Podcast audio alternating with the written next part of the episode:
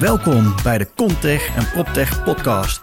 Inmiddels hebben we 100 plus afleveringen voor je klaarstaan op Spotify, iTunes en SoundCloud. Deze podcast is speciaal voor bouw- en vastgoedprofessionals die meer willen weten over vernieuwing, innovatie en technologie. Ik praat met leden en niet-leden over ESG, net zero buildings, bouwen met hout, digitalisering, smart and healthy buildings, duurzaamheid, enzovoort, enzovoort, enzovoort. Alles over vernieuwing in bouw en vastgoed. Mijn naam is Wouter Truffino. Luister je mee? Welkom bij weer een nieuwe Hoe is het nu met? We hebben deze sessies één keer in de zoveel tijd waarin we met leden gewoon in gesprek gaan over hoe is het nou met jou? En dan gaan we eigenlijk een beetje achterhalen wie de persoon is achter diegene die een beter gebouwde omgeving aan het creëren is in Nederland. En vandaag hebben wij aan tafel uh, drie heren. Mark Kok, welkom van KNR. Dankjewel Wouter. En we hebben Bas Ambachtsheer van Colliers. Dank je. En Wiebe Wijnbergen van Infinite Space. Ja. Leuk dat jullie er zijn. Eens gelijks. Leuk om hier te zijn. Jullie zijn al een keer eerder hier aan tafel geweest, maar toen ook in een andere samenstelling. Dus we gaan straks de vraag der vragen, die gaan we niet stellen, die gaan we veranderen. maar mijn eerste vraag is wel altijd aan jullie. Wat is een beetje het nieuws van de afgelopen week of dag of van gisteren, uh, wat je meeneemt aan, aan tafel? Uh, Mark, voor jou. Het nieuws, er is zoveel nieuws. Um, nou, wat mij wel opvalt, is dat de uh, in het nieuws, wat je eigenlijk bijna niet ziet in het nieuws, is die enorme ramp die zich in Pakistan afspeelt. Ja. Dat is dat in Nederlandse nieuws, Nederlandse media zie ik daar dan niks van of weinig van. Terwijl het toch wel een enorme uiting is van ja, wat er aan klimaatverandering, uh, denk ik, speelt. Want hoeveel miljoen mensen waren daar? Ja, meer dan 30 miljoen. 30 miljoen, hè? Ja, dat gaat echt over heel erg veel. Dus het verbaast me dat dat zo. Is twee keer Nederland. Onder de, onder de radar blijft. En als, je daar, als ik daar dan over doordenk, dan denk ik, ja, maar wat betekent het eigenlijk? Eigenlijk zou je veel meer moeten doen, ook in Nederland, aan klimaatadaptief nadenken over dingen. En dat zie ik ook niet echt heel veel gebeuren. Dus dat is dan het nieuws. Ja, en wat ik ook in het nieuws, wat me enorm opvalt, is dat als de energieprijzen dan zo hoog zijn, dat we ineens allerlei dingen gaan doen die we afgezworen hadden. En vanmorgen zag ik het toppunt van, de, er schijnt een run op petroleumkachels te zijn. ja, kan het er allemaal Bas eventjes over. Ja toch bizar. Ik weet van niks. Nee, nee, nee. Maar goed, dat, dat is het nieuws. Dat, dat valt me dan op. Maar die twee hebben natuurlijk wel een relatie met elkaar. Ja, ja het is heel, heel bijzonder inderdaad. Uh, maar ja, uh, Bas, wat is jouw nieuws?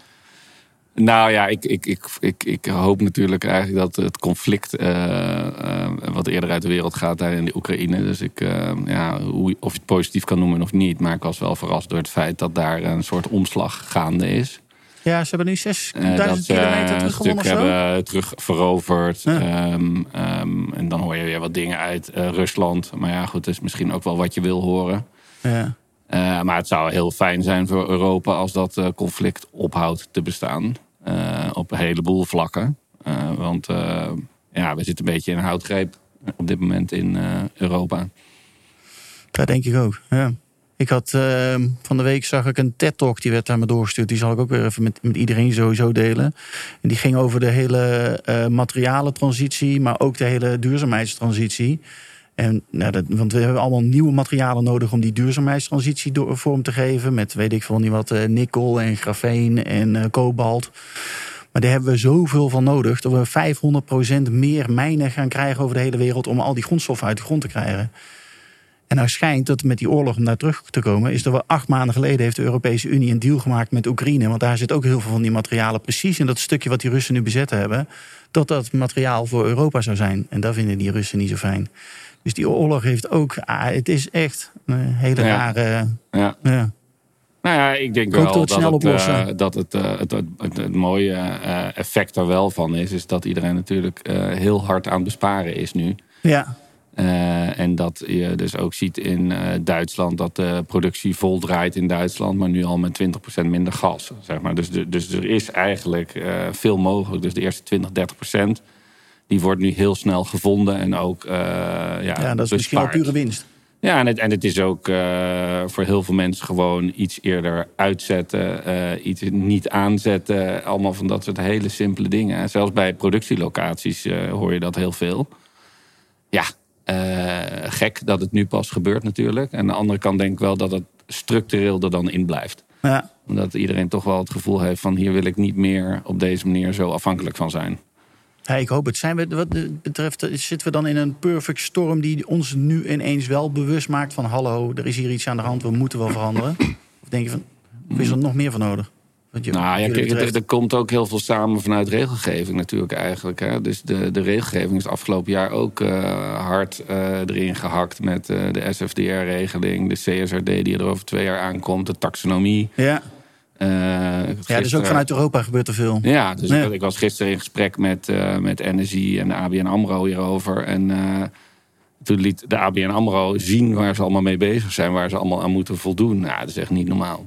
Echt niet normaal. Wat, wat voor als je een financieel product wil aanbieden, uh, wat, wat, waar, waar je dus uh, groene je, je, risk assessment op moet doen vanuit de, de ja. duurzaamheid.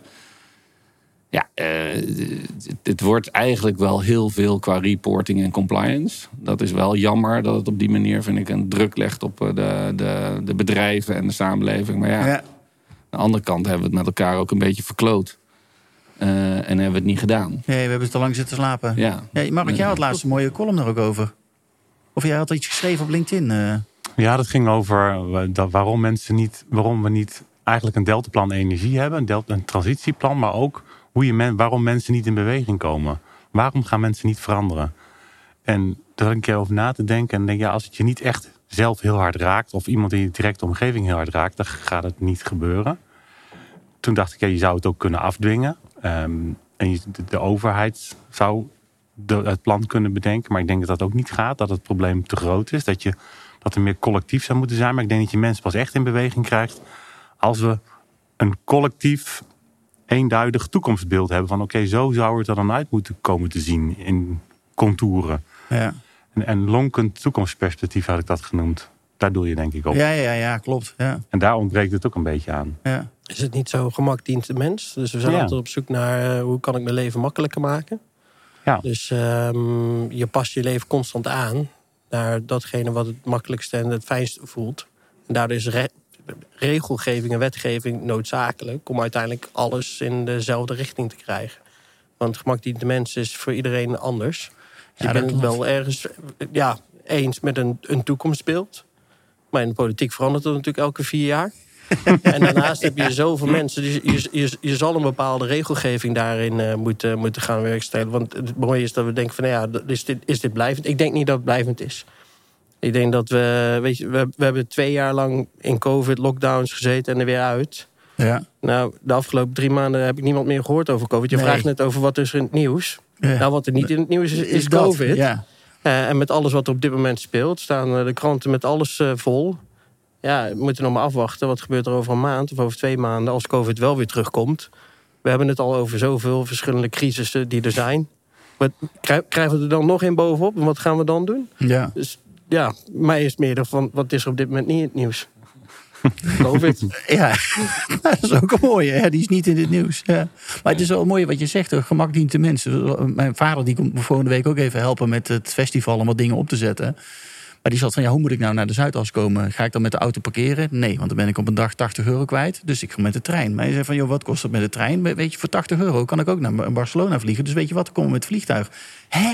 We zitten in zo raar. Dus welk gemak dient de mensen? Wat mag dat kosten? Het is zo maf dat je daar, ook omdat het nu allemaal zo in het nieuws is... ineens over na gaat denken. Wat mag iets kosten? En wat heb ik daar dan misschien ook wel voor over? Ja. Nou, blijk, blijkbaar een uh, petroleum, uh, petroleumkachel. Ja, dan gaan we die wel allemaal aanschaffen met z'n allen. Ja, nou ja. Wellicht, we, we weten het niet. Hé hey jongens, uh, jeugdidol, die gaan we niet uh, doen. Die gaan we dus niet doen. maar dan wil ik, ik hem wel van jou weten. Van mij? Ja, want je, ik heb van jou nog niet gehoord. Van mij nog niet gehoord. Oh, daar heb ik echt zo lang over nagedacht. Maar ik heb er vannacht over gedroomd en het is Bas Ambas weer. Daar geloof ik niks van. nee, vroeger was het, uh, vroeger was het Paul Haarhuis. Ten, uh, Dat was wel mijn idool. Die tenniste bij ons op de club. En daar heb ik als ballenjongen mocht ik nog uh, nou, hem helpen om de ballen aan te geven, zeg maar. samen met Tjerk Bokstra speelde toen ook voor onze club. Ja, daar hebben we zo'n leuke tijd mee gehad met die mannen. Krajcek en Siemerink. Iedereen uit die tijd. Schalken, die kwamen allemaal bij ons op die tennisclub natuurlijk langs als ze competitie moesten spelen. En dat was echt uh, twee van die gasten tegen 20, 30 uh, van die kleine ukkies uh, voetballen. Nou, dat was briljant. Dat was echt een hele leuke tijd. Ja. Dus daar had ik een hele grote poster van hangen op mijn, op mijn kamer. In zijn HEMA-outfit toen de tijd nog. Briljant. dus dat was mijn, mijn held. Ja. Uh, maar mijn nieuwe vraag aan jullie is: welk uh, of iemand of persoon of project in de vastgoedwereld heeft jullie de afgelopen paar maanden geïnspireerd om, uh, ja, gewoon geïnspireerd? Nou ja, ik, de afgelopen paar maanden, ik vond het nieuws, denk twee, drie weken geleden voorbij, dat Adam Neumann 350 miljoen aan investeringen heeft opgehaald. Vond ik wel een mooi, mooi, mooi nieuws in de vastgoedwereld. Dat, ja, je uh, hebt met hem gewerkt. Hè? Heb jij met hem daadwerkelijk zelf ook één op één... Uh, ik ben hem door hem aangenomen destijds in 2015. Bij WeWork? Ja, bij WeWork. En uh, ik vind het wel een mooi, mooi nieuwsmoment. wat gebeurt er op dit moment in het vastgoed? En wat kunnen we dus verwachten? Dat er 350 miljoen aan seed investment... Zomaar beschikbaar is. Ja. Maar wat gaat hij doen, weet je dat? Ja, uh, toen het nieuws naar buiten kwam, uh, nou, mijn WhatsApp stond wel een beetje vol met uh, allerlei verschillende mensen en ex-collega's natuurlijk, die we, waarbij we allemaal proberen te analyseren van oké, okay, wat, wat gebeurt er nu wat precies? wat, wat houdt dit precies in? Nou ja, goed, als we, als we plat slaan, dan kunnen we eigenlijk analyseren dat hij zo'n 4000 appartementen heeft gekocht. dus nou, ongeveer een miljard aan vastgoed. Um, hij is groot aandeelhouder van een, een app een, eh, een, een, een tent experience app voor um, residential. Ja. Uh, dus heb je een appartement en dan niet een co-living, maar gewoon ja, een, een, een normaal, normaal huurcontract, een huurcontract. Uh, dan zit daar in de service uh, een, een app bij. Waarop je inderdaad met de concierge wellicht wat extra dingen kan regelen. Uh, er worden wat events georganiseerd. Dus je, je, je gaat de bewoners meer met elkaar connecten. Als je, kijkt naar. kun je melden waarschijnlijk. Ja, als je kijkt naar een appartementgebouw. Ja, hoeveel mensen kennen nog hun, eh, hun buren, buren? Nou, op deze manier willen ze dat eigenlijk uh, dichter bij elkaar brengen. Dus dat, dat is het model waarschijnlijk wat naar buiten komt. Um, over zes maanden zullen we zeker weten, want dan wordt het echt aangekondigd. Hè? Dus een mooie opbouw weer. Ja. Um, nou, wat, het, het, andere verhaal wat daarin gaat, is dat nou goed, als huurder word je misschien eigenaar van het appartement. Dus er zit een financieel model achter. Um, maar goed, we, we, zullen het over een paar maanden zien. Hm. Voor mij is het heel mooi nieuws dat er uh, nog steeds inderdaad geld beschikbaar is. Uh, als start-up is dat uh, fijn om te, om te horen. En zeker als in de proptech-branche is en we praten over 350 miljoen aan seed-ronden denk ja, dan gaan we de goede kant op. Vastgoed is daadwerkelijk aan het veranderen. Ja, cool. En even een persoonlijk vraagje over Adam Newman. Denk je dat hij het kan? Heeft hij de credibility om dit nog een keer te doen? Oh ja. Ja, ja. ja bijzonder. Hebben jullie dit nieuws een beetje gevolgd, Bas? Ja, ja, ja, ja ik zit er niet zo diep in. Dus ik, ik, heb, ik, ik, las natuurlijk meer de mensen die er uh, van alles van vonden. Ja, ja, ja. Dat, uh, dat hij dat geld kreeg. Uh, maar ik vond het wel een enorm bedrag, ja, zeg maar, voor nog niet een heel duidelijk concept. Nee. dus, en ik, ik weet vanuit die juryrol die ik heb gedaan, ook mentorschap bij PropTech bedrijven, dat ja, dat soort bedragen zijn wel van een hele andere orde dan uh, waar de meeste bedrijfjes nu naar op zoek zijn. Ja, eerste miljoen, eerste vier, acht, weet je wel, dat zijn bedragen waar je dan over praat. Uh, en, en, dat, en dat is, vind ik dan voor dat soort kleinere bedrijven best wel moeilijk uh, om het zomaar te vinden. Ja. Maar goed, hij heeft natuurlijk van die afdeling van WeWork had hij ook nog wel een beetje geld, hè? Ja, nee, maar het is, het is uh, sowieso in Amerika al anders uh, dan in Europa. Dat is, dat is al een enorm verschil. Uh, wat voor bedragen zij willen neerleggen voor bedrijven. Dus ja.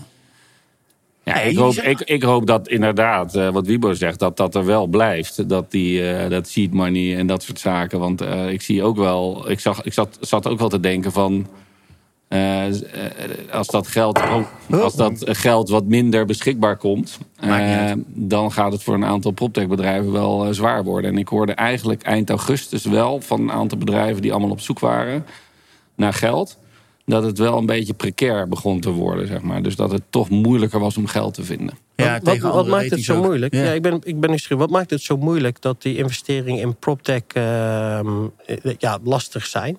Nou ja, kijk, uh, van de bedrijven waar ik het dan weet, zonder de namen te noemen. Kijk, het gaat natuurlijk ook wel gewoon over een goed businessplan. En het gaat over uh, dat je bepaalde omzet op een gegeven moment kan laten zien. Uh, los van of je er nou al meteen geld mee verdient en een bepaalde groei. Ja. ik heb ook heel veel gesprekken gevoerd met recruiters over dit soort zaken. Je ziet dat bijvoorbeeld, wat ik, ik wil best wel een bedrijf noemen wat, waar ik die verandering heb gezien, bijvoorbeeld Delta Q hè, in België. Ja is een bedrijf op energiemanagementgebied. En daar is geld in gekomen. Maar daar hebben ze ook echt het hele management, zeg maar, zwaarder gemaakt. Senior, et cetera. En jij, jij zelf ook, zeg maar, bij Infinite Space komt daar met een ander soort ervaring dan soms de mensen met een. pardon. Die met ondernemerschap de, de ja, die het product bedacht en hebben, denken van uh, techie-achtig engineering. Uh, maar om echt door te breken moet het echt een bedrijf worden met goed management. Ja, dat klinkt heel suf. maar daar zie je dan wel vaak dat ook het businessplan niet zo goed is en dat men denkt het komt vanzelf wel.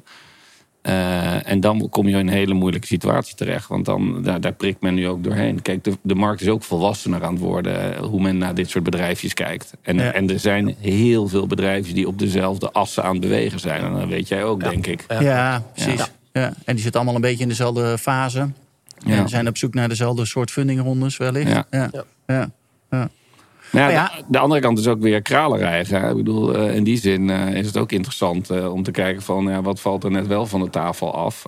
die toch in bepaalde markten zitten, toch met bepaalde oplossingen. Regionaal ook. Hè. Je ziet ook dat veel bedrijfjes, elk, elk, elk land heeft een zeg maar vermaard energiebesparingsbedrijf. Of elk land heeft een gave bedrijf wat een Tenet-app heeft of een Flex Office. Maar, maar je ziet heel weinig die natuurlijk zeg maar, Europees breed bijvoorbeeld acteren. En dat is natuurlijk wel waar het om gaat. Als je met vastgoed en portefeuilles wil werken, ja, dan uh, zeggen ze wel van uh, ja, ze staan bij ons uh, over heel Europa.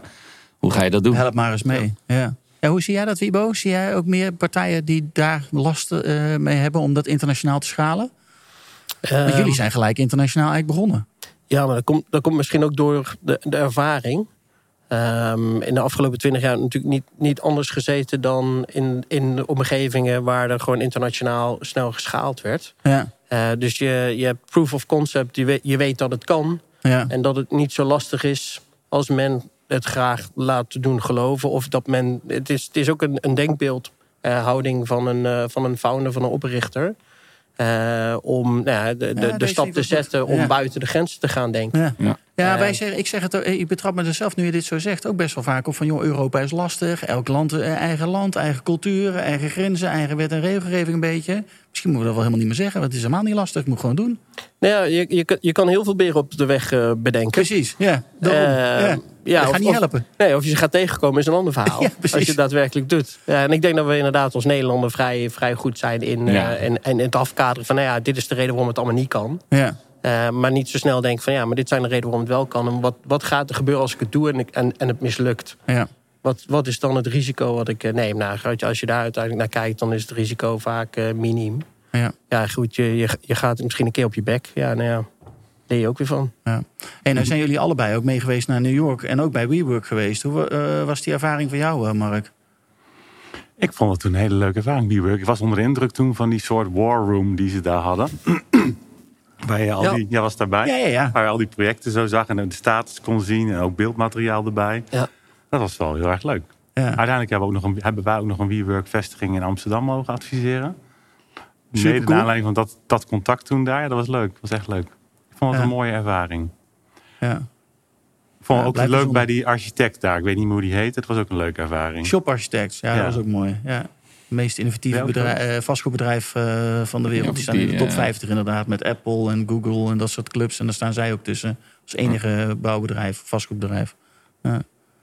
Super cool. Maar ja, dat is weer wat anders. Hopelijk kunnen we daar snel ook weer eh, een keer naartoe naar New York. Maar we waren een rondje aan het doen. Hè? Eigenlijk met, was opgevallen in de vastgoedwereld. Dat was deze, was, was de eerste. Bas, wat is jou opgevallen in die vastgoedwereld? Nou, dat ik, dat ik de afgelopen vier weken eigenlijk compleet van de wereld getrokken word door eigenlijk drie onderwerpen.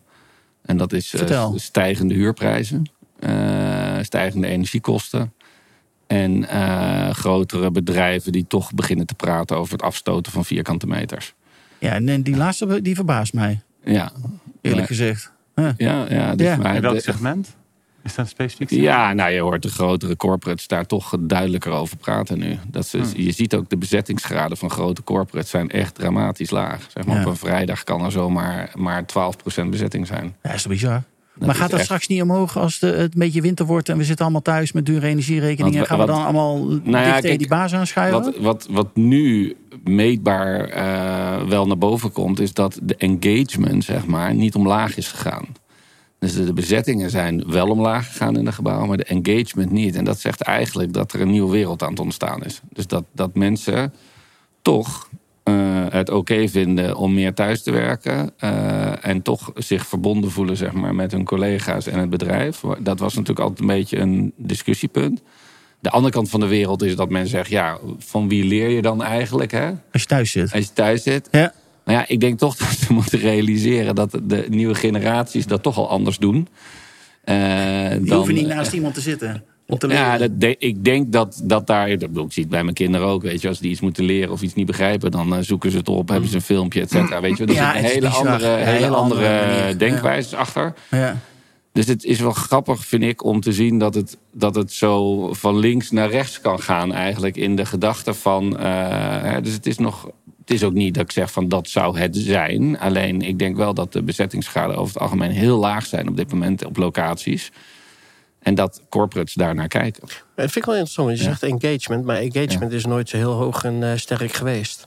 Dus eigenlijk wordt de conclusie getrokken: ja, het heeft geen schade gebracht aan, aan engagement. Maar engagement, als je gewoon puur kijkt naar de research, ja. waar de feiten dat engagement, medewerker betrokken bij het bedrijf, dat het altijd al, laag, altijd al laag en een aandachtspunt is geweest. Ja, ja alleen uh, wat daar weer uh, tegenin uh, kwam, waar wij ook met onze market research naar gekeken hebben, is dat er ook een hele tijd is geweest dat mensen allemaal bij hippe, uh, gave bedrijven wilden werken. Mm. Klein, start-up, scale-up, zeg maar. En dat er de trend eigenlijk aan de laatste tijd, denk ik ook wel door de onzekerheid en de crisis aan het omslaan is dat mensen weer bij corporates willen werken. Uh, toch iets meer zekerheid, maar ook voor de ontwikkeling. Uh, dus ja, wat je zegt, Wiebo, qua engagement, dat kan zomaar waar zijn hoor. Dat het al niet vrij hoog was en dat het nog steeds niet hoog is. Alleen ja, dat zijn de dingen die je dan hoort. Hè? En uh, ik, ik denk wel dat dat, dat, dat uh, ja, ergens nog aan het balanceren is, zeg maar. Dat moet nog uitgebalanceerd worden. Je, je ziet gewoon de dagen, maar dat heeft iedereen denk ik al door. Hè? De dinsdag en donderdag is, uh, is, druk. super druk. Ja, op de snelweg en, ook. en, dus en de rest van de dagen is het gewoon minder. Ja, dat is natuurlijk heel onwerkbaar concept voor een kantoor. Ja. Je zegt van ik richt het in voor twee dagen en vijf dagen staat het leeg. Ja. Nee, dat dus, gaat niet. Dus nou goed, daar gaat Wibo natuurlijk allemaal mooie dingen voor bedenken.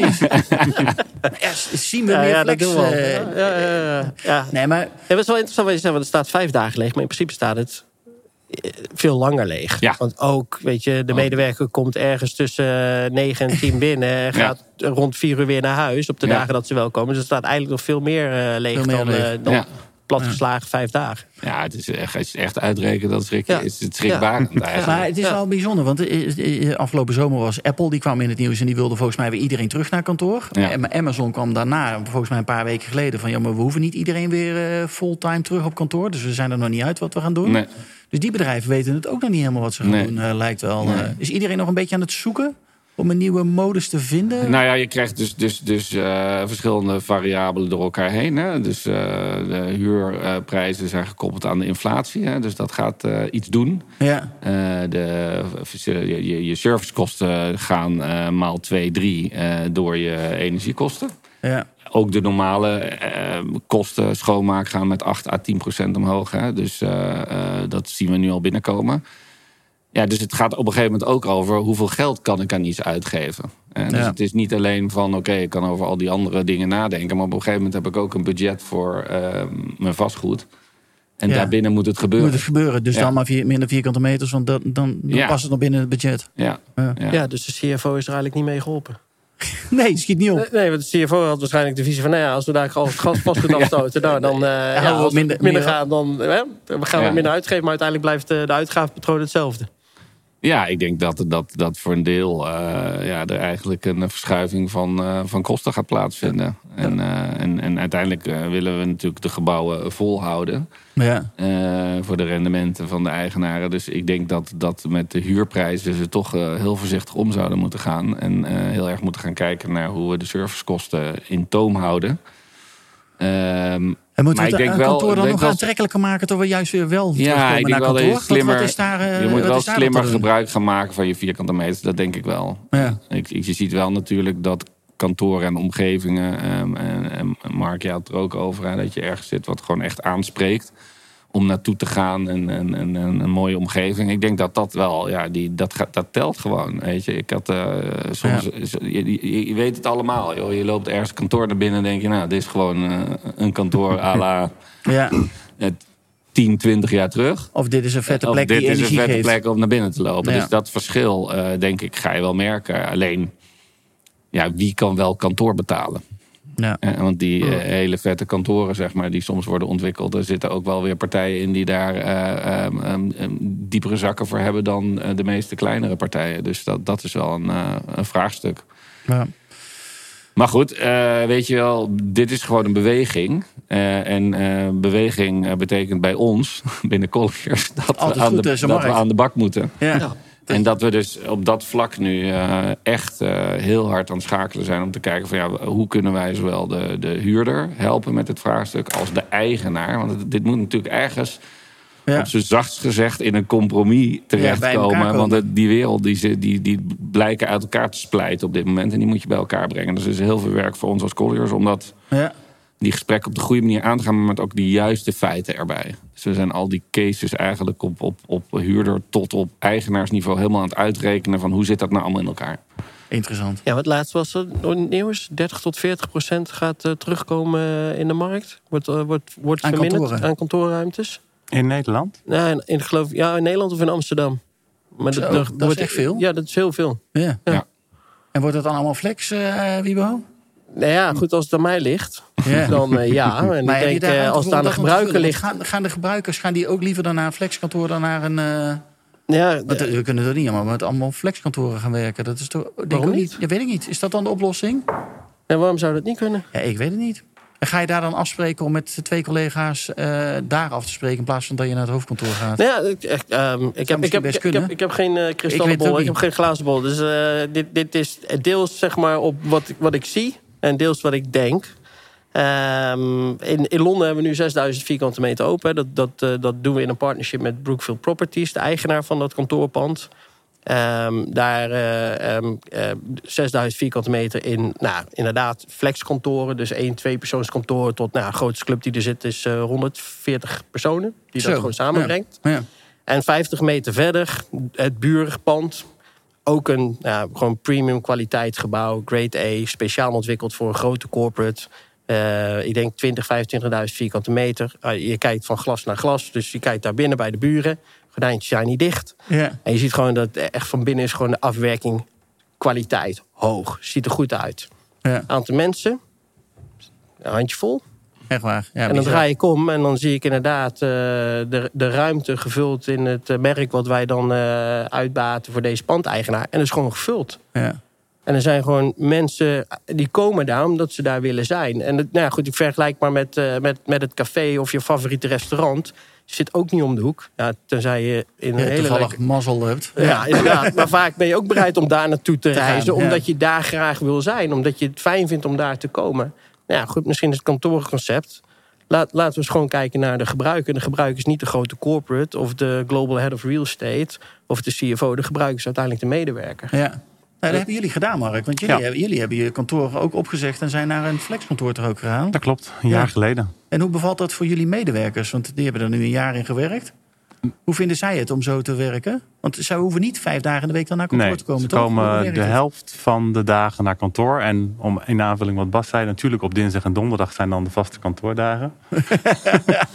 en de rest is flexibel. En uh, de, de mensen bevalt dat gewoon hartstikke goed. Dus het is een beetje, ja, voor mij zei je net, het beste van beide werelden. Het is niet alleen maar thuiswerken, maar het is ook je collega's moeten op kantoor. En ik vind het zelf ook altijd wel heel erg leuk om ja, het lukt niet altijd, maar om die dinsdag en donderdag echt op kantoor te zijn. Het is gewoon leuk, het is gewoon gezellig. Misschien is gezellig het verkeerde woord, maar het is gewoon leuk om iedereen dan weer te zien en te treffen, samen even te lunchen. Dat is gewoon hartstikke leuk. Nou, we hebben dat zelfs, dat bij ons kunnen zo, een hele gym, een hele e-gym met zo'n polsbandje. Daar wordt alleen niet heel veel gebruik van gemaakt. dat valt me dan uh, ook wel weer op. Nou ja, wat voor serviceconcepten zouden er wel moeten komen om, die, eh, om nou, ervoor te zorgen dat mensen het naar hun zin hebben op kantoor? Wat, doe, wat doe jij aan serviceconcepten, Wiebo? Uh, nou ja, goed, wat ik in elk geval zie wat de pandeigenaar doet, is uh, op dit moment um, vol ingaan op uh, nou, bike racks, douches. Ja. misschien nog twee meetingruimtes die, die beschikbaar zijn. En nou ja, goed, dan, dan, dan heb je wel de amenities gebracht die er zijn. Maar het blijft platgeslagen uiteindelijk gewoon nog steeds ruimte die je aanbiedt. Er zit geen belevenis aan vast. Er zit geen ervaring. Hoe ga je nou uiteindelijk meerwaarde creëren? Meerwaarde zit niet in, in een design of in een ruimte. Dat is wat je doet voor mensen. Ja, waar ze behoefte aan hebben. Ja, Waar, waar, dus als er mensen met fiets komen, dan moet er dus een fietsenrek zijn. Uh... Ja, maar dat is nog, steeds, dat is nog steeds een, een, um, een, um, een design aspect. Dat is nog steeds niet gefocust op uh, uiteindelijk de mensen bij elkaar brengen. De reden waarom jij naar een café gaat, is niet omdat het bepaald is ingericht. Of omdat ze daar een, uh, een, een bike rack hebben of een fietsenstalling. Je komt daar vanwege de mensen die daar samenkomen lekker eten, de sfeer die er is. Eh, Goeie wijn. Je, je gaf aan gezellig. Waarom mag een kantoor niet gezellig zijn? Ja, Waarom mag het niet gezellig dit zijn? Dit kantoor is ook echt gezellig. Het is, het is een soort boutique. Nou, office. Dat, dat, is gewoon, dat is wel heel erg mooi. En wat, wat je net niet noemde, maar wat ik ook belangrijk vind... is dat je gewoon een goede lunchfaciliteit hebt... waar gewoon um, tegen um, ja, goede prijs-kwaliteit verhouding... goede producten zijn. En dat is daar ook. Nou, dat is gewoon super. Dat eigenlijk niemand, bijna niemand... zijn eigen boterhammetje hoeft mee te nemen. Dat je gewoon daar je spullen regelt. Ja. Ja, de beste gesprekken worden altijd gevoerd aan tafel wanneer uh, eten en ja. gedeeld wordt. Ja. Maar zijn dit en dat gaat niet virtueel. Zijn dit ook de vraagstukken waar jullie dan vanuit Colliers veel mee bezig zijn, Bas? Om je huurders en de, de, nou ja, de eigenaren mee te helpen? Nou ja, wij zien, wij zien die, die, die, die, die, die plek in ons kantoor en in kantoor of in, in werkomgevingen waar je met elkaar inderdaad kan genieten van een drankje of eten en dat soort zaken. Die, die is gewoon heel belangrijk. Veel belangrijker dan mensen denken. Ja. Dus uh, zoals Dirk bij mij altijd zegt uh, bij Colliers van... Dit, is misschien wel een goede plek voor een barretje. Ja. en en ik Zo moet er in het begin wel om lachen, maar het is, uiteindelijk is het gewoon waar. Dat je, dat je, en, en dat is ook een design ding eerst, maar het is meer wat je er dan daarna mee doet. Ja.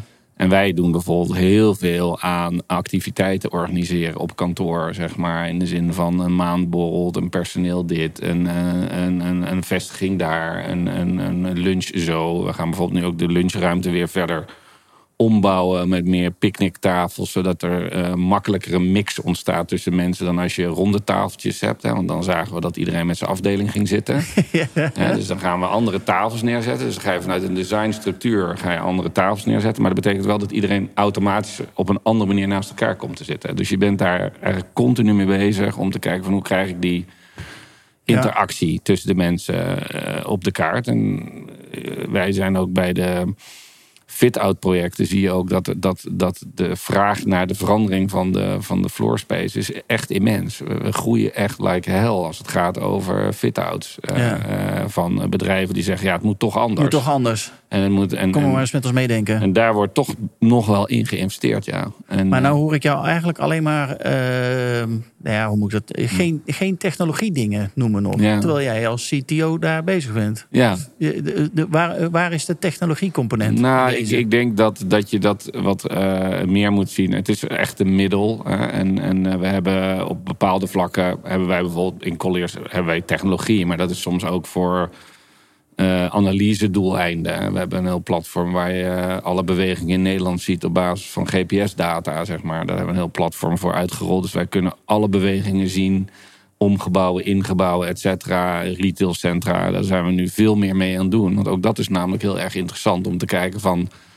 waar is het eigenlijk te doen in een stad, in een gebouw? Uh, waar staan mensen stil? waar gebeurt er iets? Waar gebeurt er niks? Dus voor ons bij Colliers moeten wij ook zorgen dat we dat soort databronnen hebben. We zijn ook veel met AI bezig als het gaat over eerder te ontdekken waar de beweging in de markt ontstaat, zeg maar. En, dan, en dan natuurlijk bij property management hebben we platformen meer in de operationele zin. En, en tuurlijk praat ik met Wibo over uh, uh, het flexgebeuren wat we in kantoor willen brengen. Maar het moet allemaal wel pragmatisch blijven in de zin van uh, maak het niet te groot. Dus als je soms praat over een flexomgeving, wat heb ik dan echt nodig in deze omgeving? En dan heb ik misschien drie aspecten daarvan nodig. En laten we die dan implementeren in plaats van de hele shebang. Ja. Uh, omdat, ja, sommige dingen kun je heel intuïtief maken. En dan denk je van dat werkt. Hè? Ik vind het heel fijn als ik ergens heen ga met een QR-code. Dat ik naar binnen kan en uh, kan parkeren. Of, ja, maar op andere locaties is het helemaal niet nodig. Bij andere locaties de parkeerterrein gewoon uh, toegankelijk is. Ja, en, is niet eens een slagboom. Is niet nodig. en dat is het. Dus, dus waar, je, waar je technologie soms echt zo wordt ingeduwd als zijn het moet overal. Dat is echt niet nodig. Ja. En um, ja, ik denk ook dat je uh, nu ziet dat er ook echt onderscheid komt tussen partijen die ook snappen dat, dat het doel een, er een hoger doel is dan de technologie. Ja. En dan zie je ook dat die technologieoplossingen veel beter aansluiten. En die moet je er echt tussenuit filteren, want anders krijg je ja, ik bedoel, als mensen het niet, eh, als er geen adapteren, mensen niet adapteren en adapteren en gebruiken, ja, dan is het leuk geïmplementeerd, dan heb je nog niks. Nee. Hoe zie jij dat, Wibo? Implementeren jullie veel technologie of ben je echt alleen het uh, ja, wij, concept aan het uh, implementeren? Ja, wij zijn, wij zijn gaan zitten eigenlijk op de gebruiker. Dus hoe gaan we de gebruiker, de, de medewerker van al die verschillende bedrijven, eigenlijk een zo'n prettig mogelijke verblijf geven op kantoor. Wat maakt ze nou echt daadwerkelijk komen naar, naar kantoor, naar hun collega's? Ja. Uh, nou goed, daar zit, daar zit het design-element in vast. Daar zit inderdaad um, het gevoel wat je ze geeft. Dus nou ja, goed, ik ben het helemaal eens met een barretje. Ja. Dus een barretje zit er bij ons in. En dan mag de bandeigenaar, hè, wij werken in opdracht van de bandeigenaar, die mag kiezen of het alcoholvrij bier wordt of bier. Maar er komt bier. Ja. Dat is het sociale element wat het uiteindelijk meebrengt. Want die, als je bij elkaar wil komen, dan, dan doe je dat en de leukste, het moet ook gezellig zijn. Het moet gezellig zijn. Ja. En we gaan kijken van oké, wat, hoe maak je nou het gebruik ehm, in het pand makkelijker? En dat wil niet zeggen dat het fijn is dat je het licht aan en uit kan zetten met een app. Je lichtknop, daar ben je sneller bij. Uh, of uh, de luxeflex omhoog en omlaag brengen. Ja, vaak is het makkelijker om gewoon even touwtjes te doen dan die hele dan app, hele app te openen. Ja, dus maar heeft helemaal geen zin. Nee. nou, vanuit duurzaamheid wel. ja, ja, ja, Maar het, het, het, het, uiteindelijk, als je daarnaar gaat kijken, maakt, maakt het dat het gebruik makkelijker. Nou, het gebruik maakt makkelijk. Ik heb nu een meetingruimte nodig. Ja, eh, eh, ik, ik heb keuze uit zoveel. Welke heb ik nu nodig? Klik, die heb ik geboekt. Ja. Of uh, ik ben op zoek naar een fotograaf. Oh, nou eens even kijken of er een fotograaf in het pand zit. Klik. Of ik wil iemand van de marketing. Noem het allemaal op. Als je, als je dat kan faciliteren uh, ik heb problemen met, uh, met mijn internet en je kan dat direct inderdaad regelen. En je komt direct in contact met de juiste persoon die dat voor je. Dan maak je het gebruik makkelijker. Ja. En ik denk dat daar, daar ben je het, gro het grootste voordeel ligt. Dus dat is, dat is de app, de software die wij inderdaad komen brengen in onze, in onze ja, service. Dat we inderdaad de management expertise doen. Dus exploitatie van het merk van de pandeigenaar. En daarbij dus inderdaad die, die customizable app uh, brengen. De juiste app, ja. Die, uh, die iedereen een, een, beter, ja, een betere ervaring moet geven in de pand. Ja, cool. En maar nou zijn jullie, Mark, jullie zijn met, want nou we toch over technologie hebben, jullie zijn met Epic Games ook bezig om uh, het een en ander te ontwikkelen. Hoe kom je bij Epic Games? Want dat is de, de ontwikkelaar van Fortnite, althans, uh, daar ken ik ze van bij mij thuis. Ja, daar kennen wij ze ook van. Maar ja. zo zijn we niet in contact gekomen. Nee, maar Epic en vastgoed, dat had ik nog niet zo met elkaar gelinkt. Nee, Epic Games kijkt ook heel erg naar, die wil heel graag die, die, uh, die gebouwde omgeving, daar willen ze ook positie in verwerven. En um, dus ik kijk naar die AEC-market, Architect, Engineering, Construction Market. En zo zijn we in contact gekomen. En wij gebruiken hun game engine om uh, ja, gebruikers van om hun, een toekomstige gebouw alvast te ervaren in een game engine. Dat doen we in een VR-center bij ons. En dan kunnen ze dus, ja, we hebben laatst een hele groep van 30 gebruikers weer gehad. Die dan een heel gebouw doorgaat en de laatste ontwerpwijzigingen nog doorvoert. En kijken of de deuren de goede kant op draaien. Dat soort dingen. Ja. Maar je zou ook nog veel eerder in het ontwerpproces die gebruiker daar kunnen betrekken. Want, want gebruikers en vastgoed, dat zijn nog steeds twee werelden die niet echt heel goed met elkaar communiceren. En een VR-omgeving kan er heel erg aan bijdragen. Dat is de reden waarom we dat met Epic doen. Ja, cool. Want waarom, waarom is die gebruiker eigenlijk helemaal niet betrokken dan bij, uh, het ontwikkelen van een pand of bij een refit of bij noem maar, eh, noem maar op? Of worden ze er al steeds meer erbij betrokken met dit soort mogelijkheden? Daar kan denk ik Bas meer over zeggen. Maar wat, ik, wat ik merk is dat um, gebruikers weten natuurlijk niet die weten niet welke eisen en welke wensen ze moeten gaan stellen. Daar moeten ze bij geholpen worden. Ja, precies. En, ze zien, en, ze zien, pas als iets, nou, laten we even nieuwbouw nemen. Als ze zien pas, hun gebouw gaat pas leven als het gebouwd wordt. Maar ja, dan ben je voor ontwerpwijziging een beetje te laat. Ja. Dus de kunst is om om betere gebouwen te maken, vinden wij. En betere gebouwen is niet alleen duurzamere gebouwen, maar ook gebouwen die beter aansluiten bij wat nou de eisen en wensen van die gebruikers zijn. Want wij denken in de bouw- en vastgoedwereld dat bouwen een beetje het doel is. Maar huisvesting is natuurlijk voor die klant maar een middel om zijn bedrijfsproces te faciliteren. Ja. En daarom zijn we met uh, eh, VR begonnen. Maar ik weet niet hoe jij dat ervaart. Nou ja, wij, wij, wij, wij, beginnen voordat we iets uh, gaan uh, retrofitten. Dan komt er een heel workplace design proces aan de voorkant. En dat gaat heel intensief met de gebruikers natuurlijk. Dus daar, daar wordt ook over nagedacht van hoeveel plekken heb je nog nodig, hoe, hoe, wil je het gebruiken, et. Dus daar worden heel veel van dat soort dingen al besproken. Dat is allemaal heel kwalitatief. Dus wat ik daar het enige nog wel eens denk is van we zouden ook eens wat meer moeten meten uh, over hoe wordt het nu gebruikt. Het Uiteindelijk. Nee, eigenlijk bij voorbaat al. Nu al? Oké. Ja, nu al. Zeg maar, dat we... Ja, dat je allemaal subjectieve antwoorden. Mensen ja, denken dat het Mensen, hè, precies wat jij zegt, als je ergens naar kijkt... dan zie je wat er daadwerkelijk gebeurt in een gebouw. En als je erover gaat praten, dan, is het een soort wenselijke situatie... wat men denkt dat dat er is. ik moet altijd dat, dat, dat, dat, voorbeeld, dat voorbeeld over een advocatenbureau die ik sprak over energiebesparing. Ik zei van nou, we kunnen zoveel besparen, maar dan gaan we om negen uur, uh, want dan zien we dat er mensen op kantoor komen. En om vijf uur is iedereen al weg. Dan zetten we dan de uh, verwarming aan en uit. Ja. En dan zeiden ze, ja, nee, nee, nee, nee, nee, dat kan niet, dat kan niet. Want wij, wij werken hier van uh, 7 uur s ochtends tot 10 uur s avonds. dat weet je toch? Dat, dat is echt zo. Dat, kan ik niet aan mijn partners uitleggen. Ik zeg, nou, maar dat is niet zo. We zien gewoon uit de data dat dat zijn niet is. zo. Ze zijn er niet. Dat is niet bespreekbaar. Dat is niet bespreekbaar. niet bespreekbaar. Nee, dat gaan we echt niet doen. Dat moet gewoon allemaal aanblijven. Want dan, we zijn druk. We factureren hoge bedragen. Dus dan moet het toch wel lijken dat we heel lang open zijn. Bijzonder. Ja. Ja, dus mensen ervaren hun eh, gebruik van hun pand nog anders dan dat ze het daadwerkelijk doen. Ja, nou, ja. Dus, daar kan je nog steeds over nadenken. Alleen dit is, dit is echt alweer 10, 15 jaar geleden. Maar ja, ja ik denk dat dat helpt. Ik, ik had laatst ook een vraag uh, vanuit een, uh, vanuit een overheidsbibliotheek, zeg maar. En daar wilden ze opnieuw gaan inrichten. En die wilden wel van tevoren gaan nadenken over hoe zijn dan uh, de loopbewegingen en, de, en uh, welke uh, afdelingen zijn drukker dan andere afdelingen. Nou, dan heb je natuurlijk ook data van over de boeken, wie wordt gehuurd. Alleen dat vond ik wel een goeie dat ze dat van tevoren wilden gaan meten voordat ze zeg maar, het nieuwe ontwerp gingen maken. Alleen dan zie je dat dat kost natuurlijk geld. En dan uh, is het vaak weer te duur om het echt te meten. En dat is toch jammer. Ja. Maar dat is toch gek, want als het gebouw uiteindelijk niet voldoet aan die eisen en die wensen van die gebruiker, dan, dan kost het veel meer geld. Ja, daarom. Het is dus- echt een hele kleine investering eigenlijk om het goed te krijgen. En, en ook uh, zeg maar vanuit een nou, een bibliotheek is natuurlijk, uh, ja, als die eenmaal wordt neergezet, dan blijft die heel lang hetzelfde. Heel lang hetzelfde. Die blijft 50 dus, jaar lang uh, hetzelfde. Die ga je niet meer veranderen. Nou, dat is bij gebouwen voor een deel ook wel zo. Dus, dus als je dan in die switch bent, ja, dan moet je het goed moet doen. Goed. En, dan, en dan heb je in dit geval ook nog te maken met, uh, als, je, als die bibliotheek er 20 jaar is geweest, dat de hele perceptie en het hele idee van een bibliotheek gaat een hele nieuwe wereld is geworden. Ja, is niet meer wat, wat hij daarvoor was. Ja. Hey. Ik heb een vraag over de gebruikerskant.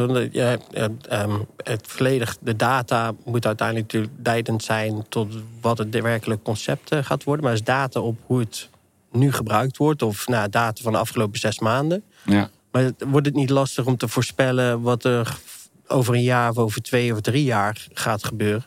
Nee, dus het is ook, het is ook één element. Ja, het is één extra element, zeg maar, waardoor je die perceptie van hoe ze denken nu te werken, dat je die iets meer valideert. Ja, ja.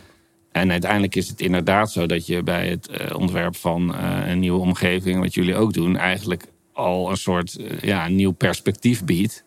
Van waar het heen Zo gaat. Zou het kunnen zijn. Op basis van hoe nieuwe generaties willen werken of naar de wereld kijken.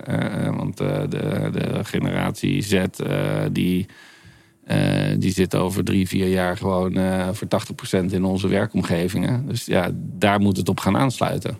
Ja, dat wordt heel bijzonder. Ja. Ja. Dus ik zie hoe mijn kinderen af en toe bezig zijn op de PlayStation met een telefoon en dan ook nog een laptop aan hebben met een video. Dan denk ik, hoe dan?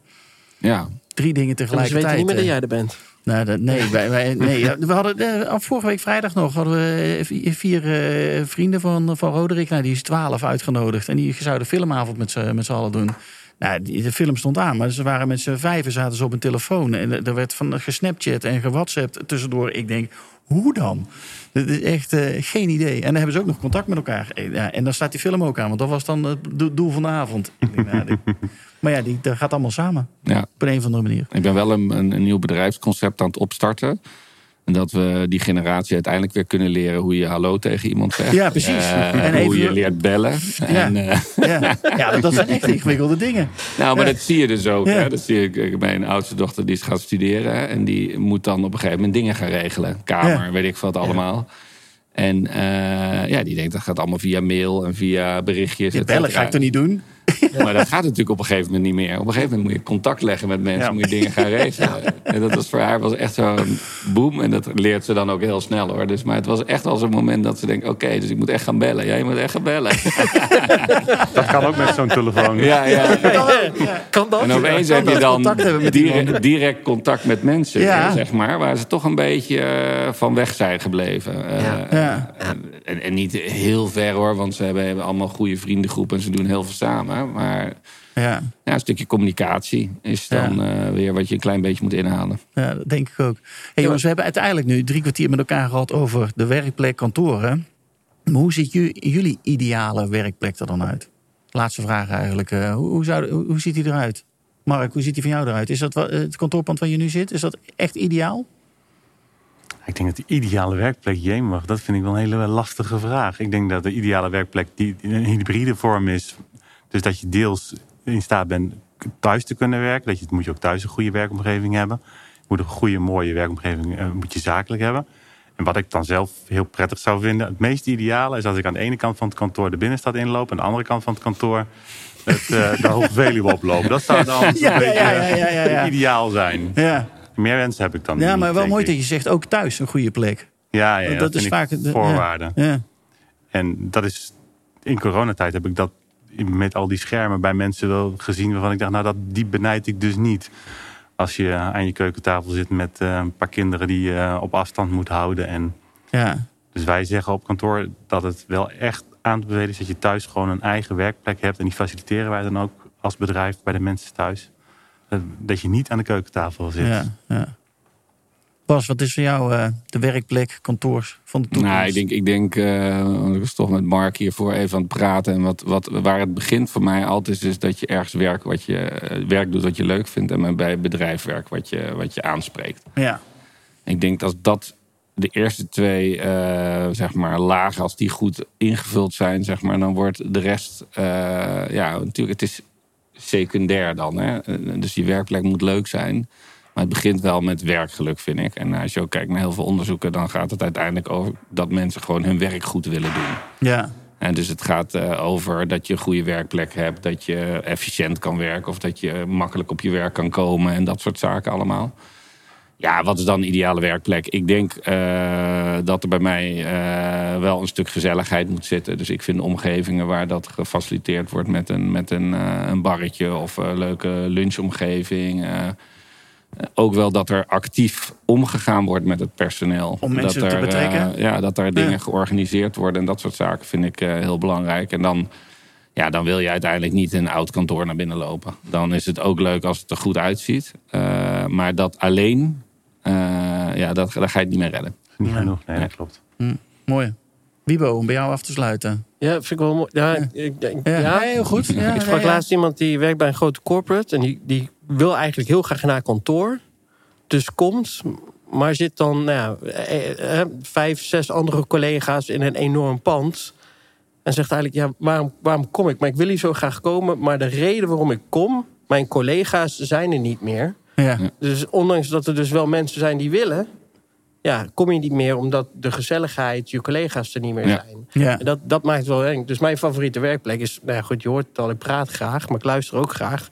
Maar ik, ik, ik hou van mensen om me heen. Ik vind dat gewoon fantastisch. Ik word geïnspireerd. Ik vang wat op. Ik leer iets. Ja, dan moet Misschien kan ik iemand helpen als ik wat hoor. Ja, dus mijn favoriete werkplek is ja, niet alleen. Dan word ik heel zielig. niet alleen thuis. Nee, niet alleen thuis. Moet daadwerkelijk mensen om me heen hebben. ja. ja. Mooi. Ik vond het een mooi gesprek, man. En één woord blijft me echt wel bij. Mark, die noemde hem als eerste gezelligheid. En toen dacht ik even, ja, is dat het werkelijk het juiste woord? Maar hij komt heel vaak terug. Het moet gezellig zijn op kantoor. Ja, dat moet het toch overal zijn? Nou, dat denk ik ook. ik hoop dat jullie dit gesprek ook gezellig vonden. Dank jullie wel. Dank je wel. Mark en Bas. Dan gaan wij hem afronden. Ik hoop dat jullie het een mooi gesprek vonden weer deze. En, ehm, en ik hoop dat jullie natuurlijk allemaal volgende week bij het uh, eh, RBF Festival uh, ook aanwezig zijn. 20 en 21 september. 660, 670 mensen hebben zich nu aangemeld. 120 verschillende sessies over, zeker ook over de toekomst van kantoren, werkplekken, maar ook over duurzaamheid en ESG. Eh, we gaan van alles en nog wat gaan we met elkaar bespreken. En ik hoop je daar natuurlijk te zien. Fijne dag nog en tot ziens. Dankjewel voor het luisteren naar deze aflevering van de Contech en PropTech podcast. Ik hoop dat je andere afleveringen ook gaat luisteren. Maar ik hoop dat je natuurlijk ook een keer naar ons clubhuis komt in Amsterdam. Waar wij om de twee weken een masterclass organiseren over verschillende onderwerpen. Maar ook altijd op de eerste vrijdag van de maand een draait door show maken. Een echte tv-show met publiek aanwezig. Waarbij we natuurlijk borrels organiseren. Zodat mensen elkaar kunnen ontmoeten en netwerken met elkaar. Zodat er een beter gebouwde omgeving gecreëerd kan gaan worden. Ik hoop je snel te zien. Of in ieder geval online of fysiek. En ik wens je nogmaals een hele fijne dag toe. Tot snel!